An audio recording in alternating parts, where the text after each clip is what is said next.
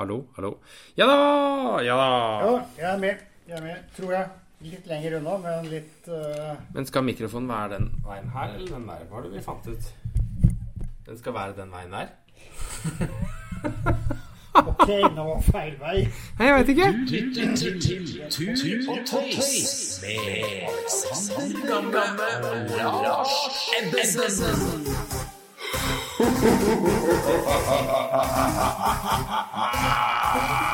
Da tuter vi og kjører. Lars, vi kjører. Mikrofonen er på. Er og riktig vei, tror jeg. Ja, det finner vi etter hvert ut. Jeg skal google det etter, etterpå. Ja, vi gjør det helst etterpå. Hva skjer om dagen? Jo, det, det Jeg tror sommeren er på hell, selv om det ikke virket sånn i går. Da var det jo helt sinnssykt. Hva gjør, du på, hva gjør du på en sånn dag? Som er plutselig en sånn bonus-sommerdag, hvor det plutselig var 20 grader og ja, det var litt problem. Lørdag så var jeg forsøkt på Sørlandet. Det var jo helt vanvittig med havblikk og 20 varmegrader og helt oi, utrolig. Oi, oi, og i går så var jeg faktisk i 30-årslaget til min nevø Andreas. Oi, Andreas. Som uh, da ble Ebbesen, ja. gitt uh, 30 pepperkverner av sine brødre.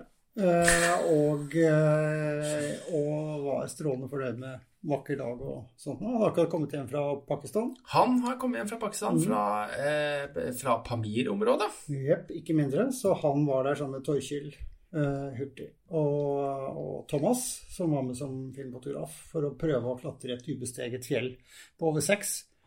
Og de opplevde vel alt man kan oppleve i Pakistan. Oi, oi, oi. Ja, det er ikke lite. Nei, det er ikke lite. Det er ikke lite. Men uh, var det noen store highlights uh, fra turen som du hørte om? Ja, det, det startet jo akkurat så fargerikt som alle mødre gjerne ønsker. At de sitter der og venter på, på flyet opp. Uh, opp, og så ringer hun der som hjelper dem, og sier at uh, I don't want to scare you, but this is uh, There might be a delay because this is the, your plane. Og så bare krasja så det, lå, lå på, det, flyet lå på magen oppe i Gilgit og var helt dødt. ikke sant? Ja, Helikopteret? Nei, nei, nei, flyet. Oh, ja, som skulle ta fra Islamabad òg. Ah. Så, så det begynte liksom at det flyet krasja, det skulle de egentlig vært på. Uh, så da ble det litt sånn uh, camping i avgangshallen. Og så, og så er jo Pakistan har jo veier som du ikke fatter at folk lager, og det skjer jo ting, og det er et herlig byråkrati, og det er frem og tilbake, og det er forsinkelser, du blir testa på alt du skal bli testa på. Hvilket område er det? Altså, er, det, er vi på Karakoram? Ja, på, de ja, okay. gikk opp langs Karakora, kjørte opp der, og så tok de inn til høyre eller venstre et eller annet sted, over en elv. og så hadde de hørt om de kunne gå opp en dal mot et fjell de hadde sett seg ut, da. Og da var liksom ikke noe problem å gå langs, opp langs elveleiet. Men ikke sant, det er, det er, jo sånn som det er der i det porøse landet der, at du har en elv, og så har du bare ca. 200 meter rett opp på en stri elv i bunnen. Og ikke sjans, ikke sant. Så krysse hver elv tok to dager. sant? To dager opp, over og to dager ned igjen. Så de kom jo aldri i nærheten av det fjellet de hadde tenkt seg, men de fikk klatra mye annet fint. Og det, jeg så bare kjapt litt bilder, det så fantastisk ut. Jeg husker vi kjørte på bil eh, fra, altså inn til eh, Baltoro-breen, der hvor eh, K2 og Broadpeak og eh, kanskje Brumfjella osv. ligger. Og det, det, er, det, er, det, er, en av de der turene, bilturene jeg egentlig ikke har spesielt lyst til å gjøre det igjen, altså. Ja, det er som, som Fy søren, det er sånne veier som klamrer seg til fjellsidene og raser ut i øst og vest og de altså, Og når det raser ut, så sparer de litt, og så sparer de litt, og så kjører de forbi. Så bygger de opp med stener Ja, det er, det er, og så er det, altså, det er sånn loppeverk så mange steder at det er, liksom, det er jo ingenting som gjør det ordentlig. Så det, når det renner ut her, så får vi lappa det, så renner det ut der, og så blir det sånn halvveis over det. Jeg, jeg gikk ut av bilen flere ganger altså, og gikk ved siden av bilen og bare håpa på det beste.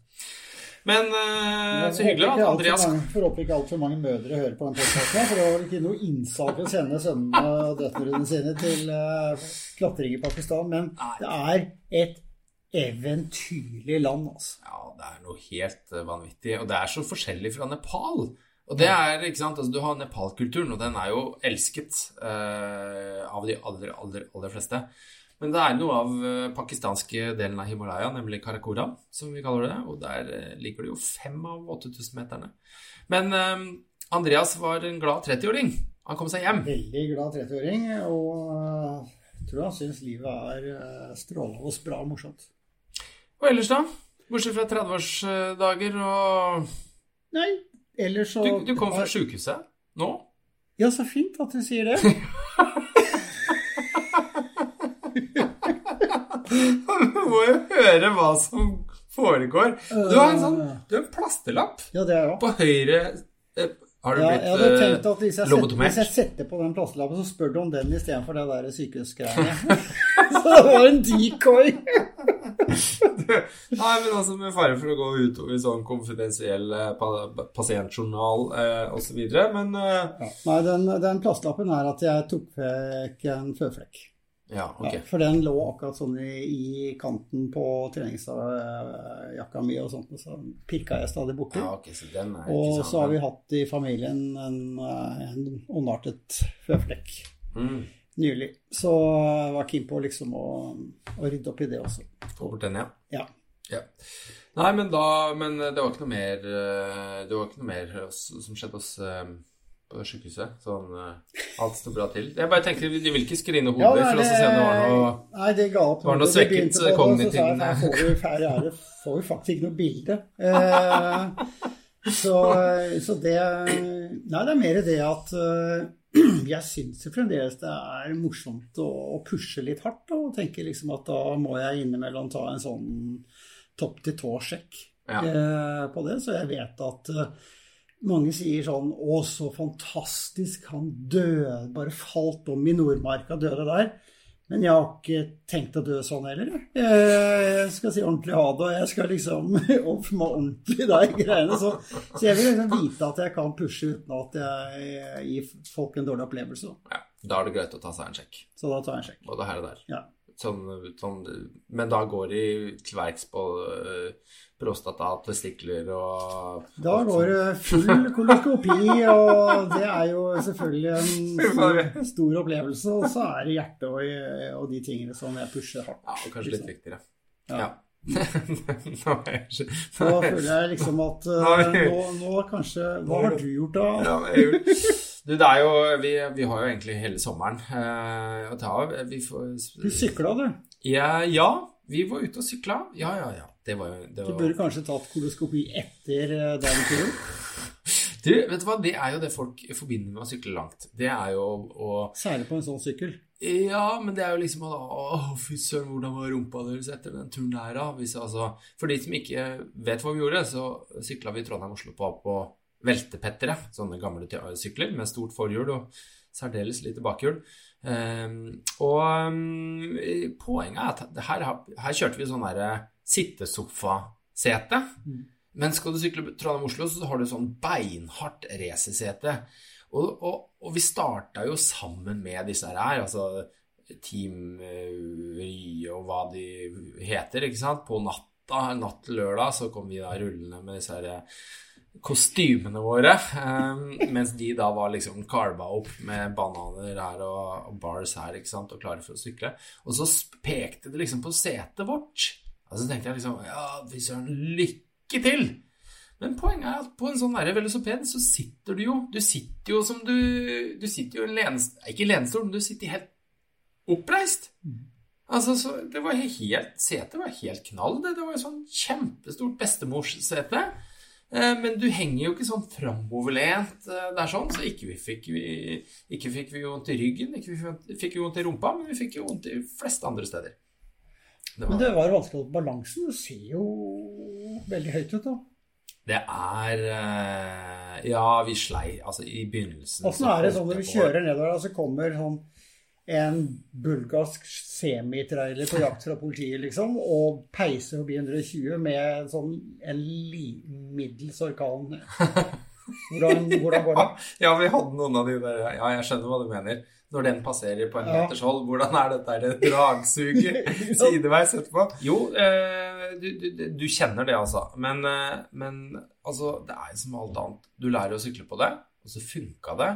Vet du? Det funka bedre enn vi trodde, fordi at du har jo et tungt gir. eh, Fordi du tråkker jo med null utveksling på hjulet. Så når du først er i gang, og det er flatt, og det er forholdsvis god asfalt, så cruiser du fort sånn 15 km i timen. Men eh, problemet er litt sånn når du skal opp og stanse, så er det litt høyt ned. Og, eh, og vi hadde bare noen sånne legendariske tryn. Du aner ikke. Altså, det var husker Petter hadde en dag hvor han gikk opp i en rask 3-0-ledelse. Og det er ingenting som er mer komisk enn å falle og bikke på en sånn velociped. Altså. Det var bare helt... Først så holdt han på å bli nedkjørt på en bensinstasjon når en bil ikke så hvor den rygga. Så han kle- klemte Petter opp gjennom liksom den herre Hvor det står sånn, eh, sånn vindusspylervæske-container på bensinstasjonen. Holdt på å skvise Petter oppi der. Det var den ene gangen. Og så var det ute i et lyskryss hvor det bare sa pang. Og det andre var liksom at han holdt på å bikke foran meg opp til autovernet på, på en sånn tulle, tullefeil. Og, og så er det sånn, du kan ikke begynne å le med en gang, for du må jo tross alt se om du har brekk i nakken, liksom. Men når du ser at det har gått bra er, Jeg har ikke ledd så godt på lenge, altså. Det er helt hysterisk. Ja. Så utrolig artig, og um, artig Ja, å er- eksperimentere litt sånn nye måter å dra på tur på. Så det er noe du anbefaler, dette? Ja, jeg veit ikke helt, jeg. Nå, eh, nå har Altså, jeg jo det- jeg tenker sånn når du gjør sånn, det, det, høres mer som en sånn sjarmgreie for å få kontakt med lokalbefolkningen, på en måte. Ja, det funka jo. Det var jo helt fantastisk. Det er klart at jeg, vi, vi var litt sånn halvnervøse for hva, er det, hva kommer bilistene til å si når det kommer til å ligge der og ta halve E6. Vi visste at vi måtte ligge litt ut på E6. Eh, men når folk så oss, vet du, de, de tuta og heia, og det var selvfølgelig en og annen sånn Tesla eller BMW eller som ble grinete. Men de aller fleste, de, de, de hang ut av bilen, og de heia, og de tok bilder, og det var, det var liksom tok ikke, tok ikke slutt, da. Og så hadde jeg jo en sånn klassisk tabbe på slutten. Nå var vi på Østre Toten, og det var fantastisk. Folk sto langs veiene og heia. Det ble en sånn opptog. For det lå en liten uke etter da de andre fra Ja. Trondheim Ja var i mål. Ja, Så vi- vi- jævla seigt publikum. Veldig seigt eh, publikum, men de, eh, det var liksom jungeltelefonen hadde gått. Men så står det da ei dame der med et sånt ganske sånt stort norsk flagg. Og jeg tenker jo sånn Wow, her, nå må jeg liksom sykle bortover, og så skal jeg ta det flagget fra hus, sånn som de gjør på sånne oppløpsside. Du ser jo Ingebrigtsen og folka, ikke sant, når de er helt aleine, så tar de flagg, og så cruiser de. Så jeg skulle ta en liten sånn cruiserunde for å selvfølgelig brife litt. Og, og det går helt fint. Jeg sykler med da det flagget og den andre hånda på styret, og så kommer da parkeringsplassen hvor jeg da må legge inn et lite C-moment. Det er selvfølgelig da å snu 180 grader i litt sånn lav fart med et flagg og en hånd på styret, og her begynner det liksom å bli litt sånn uh, keitete. Og så er jeg veldig obs for at ikke flagget skal liksom komme blåse inn i hjulet. Ikke sant? Ja, ja. Så det jeg gjør, er at jeg tar og løfter liksom flaggdelen av stanga utover. Men hva er det som skjer da? Da går bakenden av den aluminiumsstanga på her, den kiler jeg jo inn i hjulet! Og det, og det skjønner jeg ikke før et mikrosekund etterpå. Så er det bråstopp. Og det er rett over styret, men det er ikke sånn at du tar sånn svalestup over en sånn sykkel, fordi at beina sitter pottefast under styret.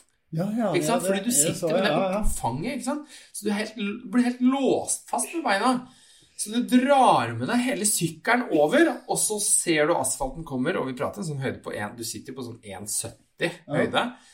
Og du veit hva som kommer, og at det ikke brakk noe da. Så da, det er den eneste gangen på turen hvor hjelmen min smalt i bakken.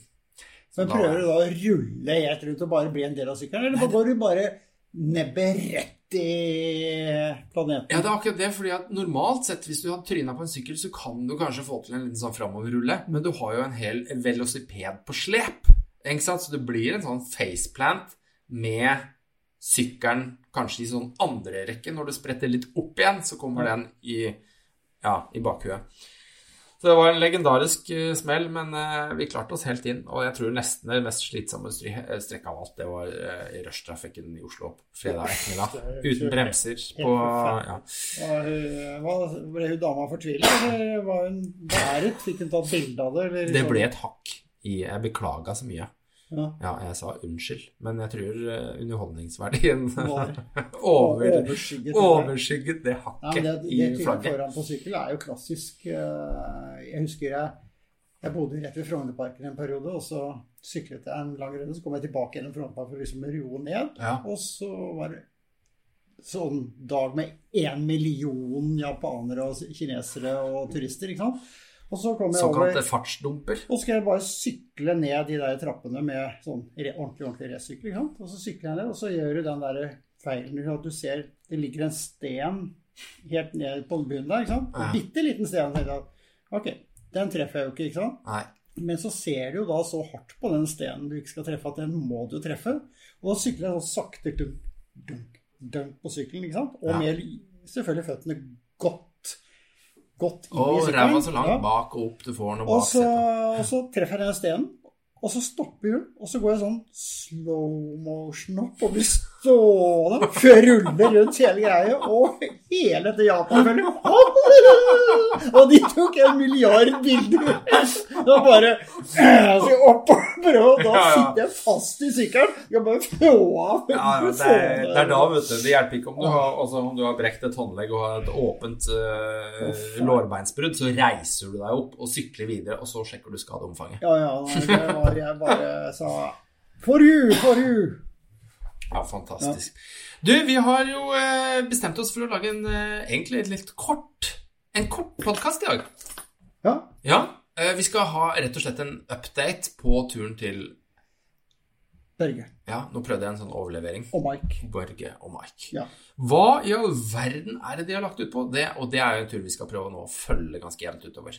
Vi må prøve å følge den. Hvis vi klarer å gi ut podkaster i takt med tiden, istedenfor å tro at podkaster er akkurat som god vin, at det bør lagres litt, så, så kan det tenkes at du klarer å følge den turen. Men Det var da Lars sitt lille sparkelegg inn til meg, som ikke akkurat er verdens raskeste med å redigere podkaster. hvor mange har vi liggende? ok, nok om det. Hvordan var denne Hvordan var bakgrunnen her, da? Hvordan, eh, men fortell. Nå er, de er jo ute og går. De er ute og går. De er på dag 12-13 eller et eller annet eh, sånt noe. Det er jo en helt uh, vill tur som Igjen noe som ingen har, eh, har gjort før. Og eh, det er en tur med Mike Horn og Børge. De har på tur før i 2006 eller 2008, jeg husker ikke helt. Hvor de da krysset eh, Polhavet Nei, gikk til Nordpolen på vinteren i mørket. Og eh, det å gå i Polhavet med råker og skrugarer og isbjørn og sånt noe med en LED-lampe som lyser da tre-fire meter og sånt noe, det er helt uvirkelig, altså. Og, og nå har de hevet seg på det igjen. Eh, Det de vil nå, det er å De har tatt båten til Mike fra, fra Nome i, i Alaska. Og så opp eh, forbi Tiller og gjennom Beringstredet. Og så litt grann vestover, fordi polisen har jo begynt å smelte så veldig. Så det åpnet seg en mulighet, og så pressa en seilbåt seg inn i isen til 85-30. 85 grader 30 minutter nord. Og det er ganske langt, for jeg var ikke helt sikker på hvor langt Jeg var veldig sånn spent på hvor langt nord de skulle klare å komme med båten. fordi Ja. dette her har jo sinnssykt mye å si for hvor langt de skal gå.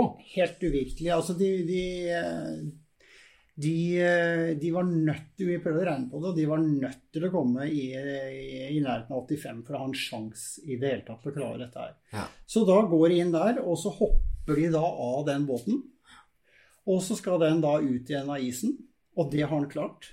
Og skal seile Nordøstpassasjen tilbake og til, ligge og vente på dem på Svalbard. Og skal de gå til Nordpolen og ut mot Svalbard, og forhåpentligvis at båten da klarer å finne og ta dem om bord og frakte dem tilbake til sivilisasjonen. Litt sånn, litt sånn Nansen og Johansen. Men tenker du, altså, tenker du, tror du de, eh, for å, med fare for å foregripe eh, begivenhetene med å starte med spådommene her, men altså, tror du de klarer å komme i land på forleggenuken? Altså helt på nord? Nei. Nei. Nei, det er ikke, Det er ikke aktuelt, Det er er det det det? faktisk bare én ekspedisjon som, eh, som har, eh, har klart. Eh, Og det må være helt spesielle eh, isfenomener for at isen skal gå, kunne gå helt ned der. Og det, så den, det kan vi ta under en Nordpol-greie en gang. Det, det, er det ikke snakk om i dag. De, eh, hvor langt de må gå, 84, 83 et eller annet, det har de ikke peiling på.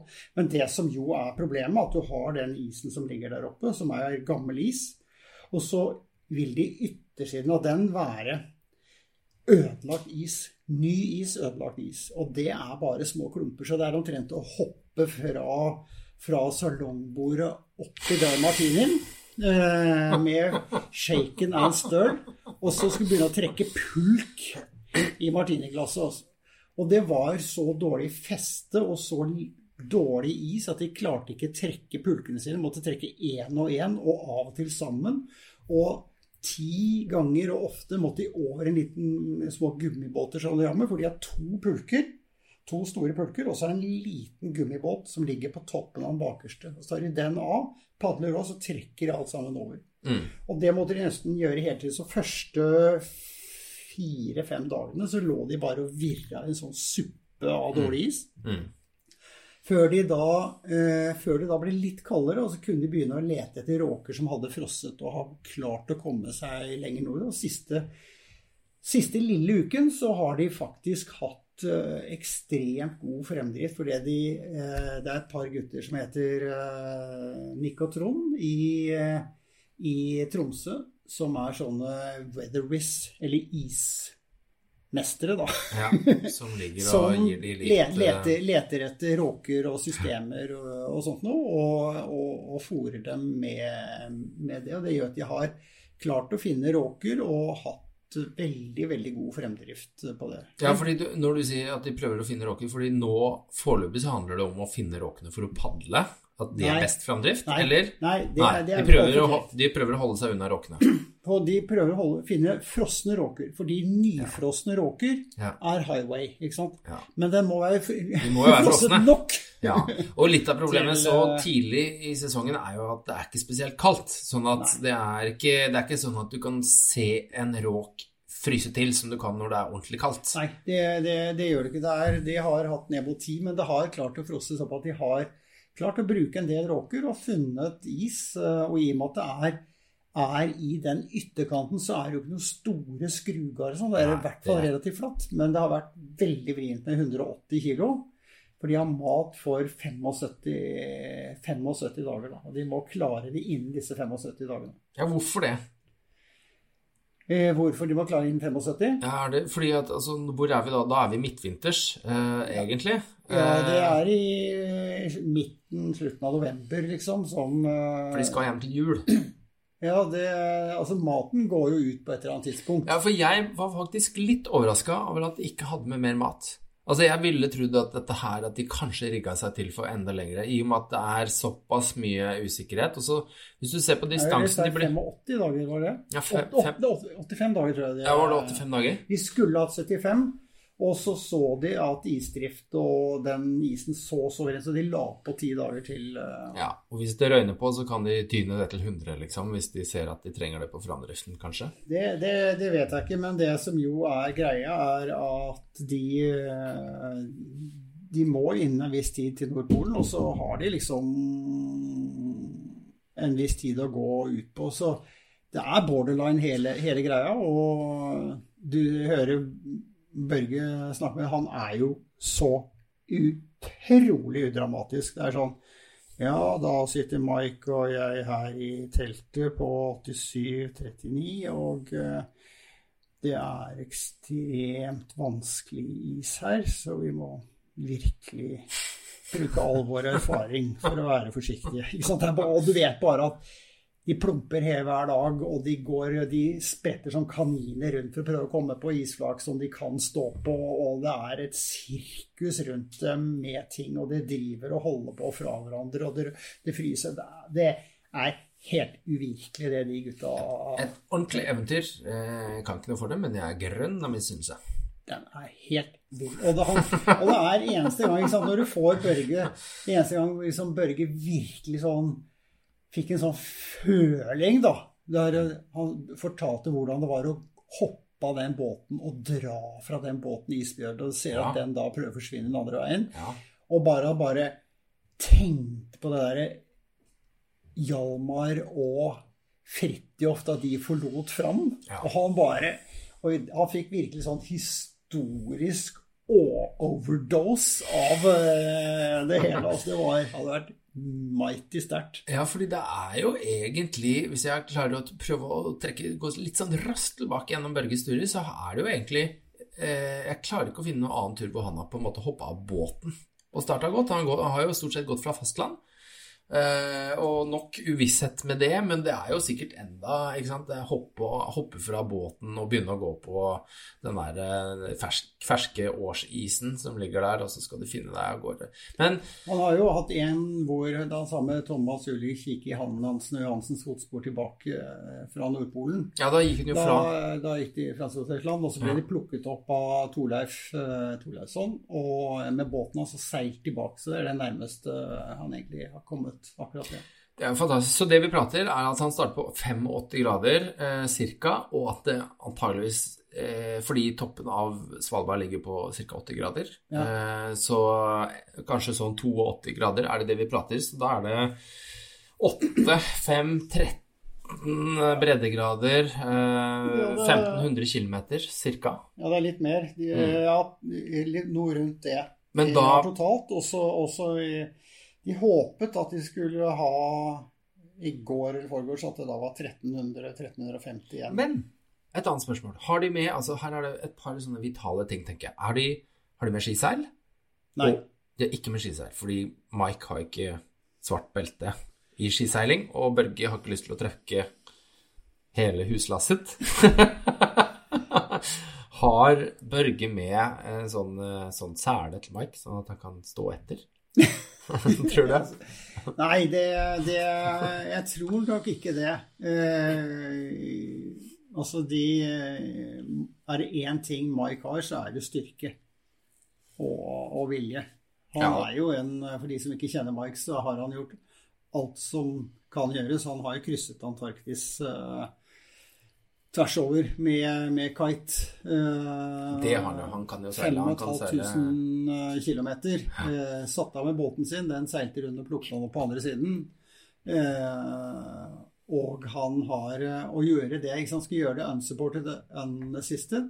Og så gjør han det, det har vi snakket om før, så gjør han det ved akkurat at han går inn og tar en kopp kaffe på Sydpolen. Ja, det er herlig. Bare, bare for, som et statement. Det er nydelig. Eh, og han beviser, jeg tror eh, Men det er jo, dette er jo Børges eh, område, og det er vel Børge som har jobbet med sikkerhet og logistikk og forståelsen og detaljene. Børge har jo vært i Arktis før.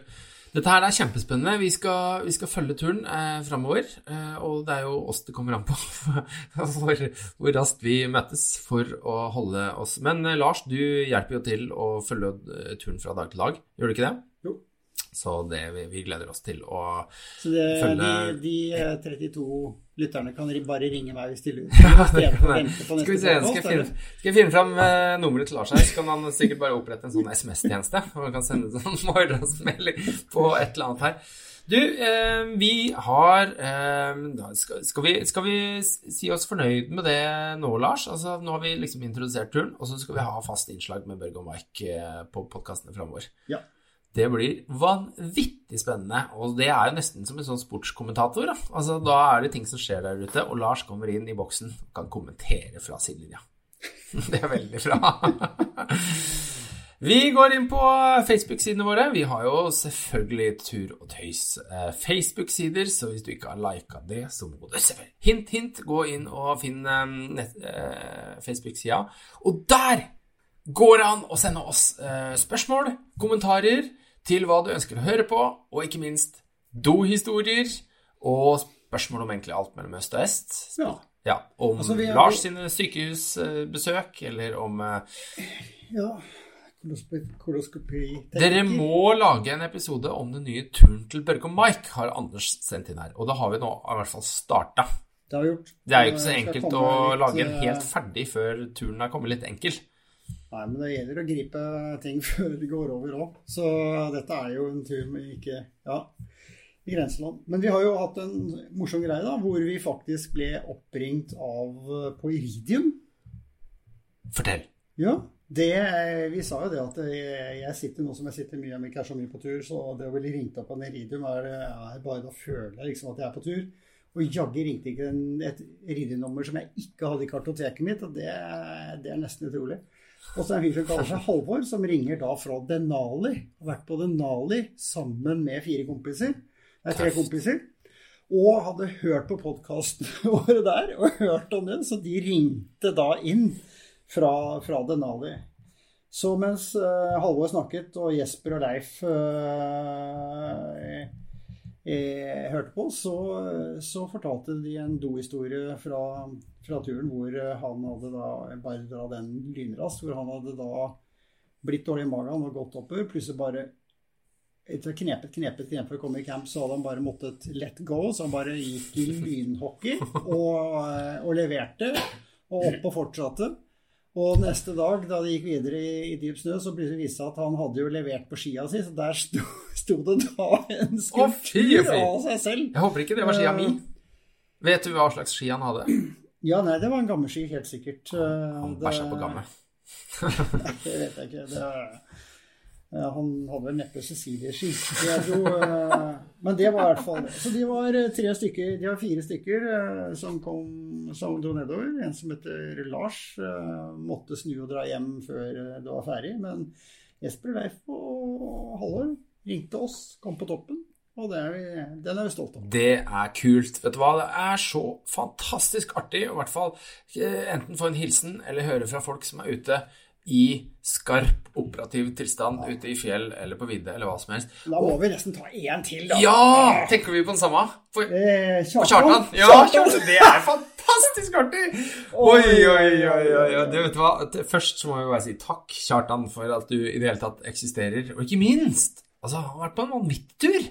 En vanvittig tur, altså. Eh, og det er så litt deilig, akkurat eh, som før turen du begynte med til, som er sånn under radaren-tur. Den har ja. også fått litt sånn under radaren. I hvert fall eh, hørte ikke jeg om den før jeg hørte fra Kjartan. Hvor han da padla 1800 km i Sibir. Ja. Og det er jo Det er så utrolig eh, Kolyma eller noe heter den elven han har padlet. Ja, så har han vært aleine?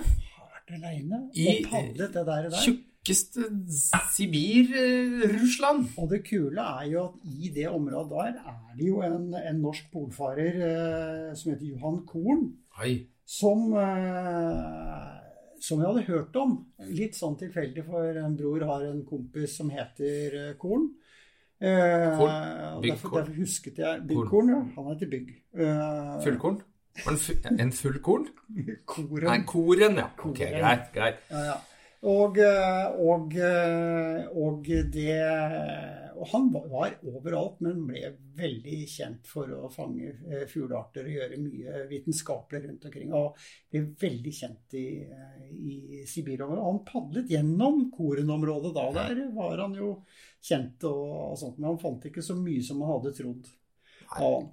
Men vi må jo fortelle at han Han, han er en av våre, våre lyttere. Ja. Han var, var veldig glad satt og hørte på podkastene våre, så han er den da 38. 39. Ja. Så han satt og hørte på det nedover på elven, og det, det, at vi er med på en sånn tur, det er jo helt fantastisk. Og så kom han jo da til en liten landsby og ville laste ned flere, så skulle han laste ned flere. Og så begynte han å laste ned, og så var det så dårlig internett der. Ja. Så han eh, lasta og lasta i seks timer, og fikk lasta ned én episode til. Det er en stor fan som laster ned én episode på seks timer. Jeg håper ikke det på, på Iridium. Det var nok sikkert ikke det. da. Sikkert Nei, det, var, men det var litt uheldig, da. At uh, den episoden han valgte å laste ned Det var det var Erling Kagge leser høyt av boken 'Stillhet'. det var det. det var. Han har da Stakkar Kjartan, og jeg bare legger meg så flat, men han har da eh, brukt hele dagen på å laste ned en podkast hvor vi leser eh, Eller som vi leser fra Stillhet-boka, som er da bare stillhet. Ja.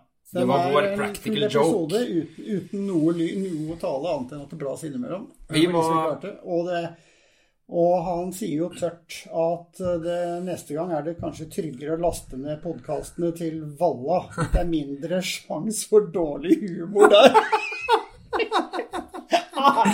ja. ja, det kan vi vel sikkert være helt enig i. Det det er sikkert et sikrere kort. Ja. Eh, Randulf sin podkast er helt fantastisk. Det er morsomt å høre mer fra Kjartan, for det er jo folk som gjør sånt. Det er jo helt, de er helt strålende. Jeg foreslår at vi skal invitere han en gang for å prate om padling. Langpadling på tur. Det tror jeg vi skal eh, la rett og slett være, fordi vi har hatt noen eh, skrekkelig lange podkaster innimellom, så nå har vi satt oss mål å egentlig kjøre den raskeste podkasten. Da må vi slutte nå. Da må vi slutte før vi kommer på flere historier. Da sier vi eh, følg oss på Instagram, Tur og Tøys. Følg oss på Facebook, Tur og Tøys. Der kan du ha altså begge steder. Så setter vi utrolig pris på ris og ros, eller hva pokker man ønsker å Altså, komme må, opp med. må dere, må dere uh, gi oss kred på i iTunes og sånn. Ja, Så andre så vi får, kommer over 40. 40 lyttere er det neste målet. Ja. Hurra meg rundt. Da uh, takker vi for oss, eh, Lars, for denne gang. Gjør vi? Hurra, Absolutt. hurra, hurra, Hurra. hurra, hurra, hurra, hurra.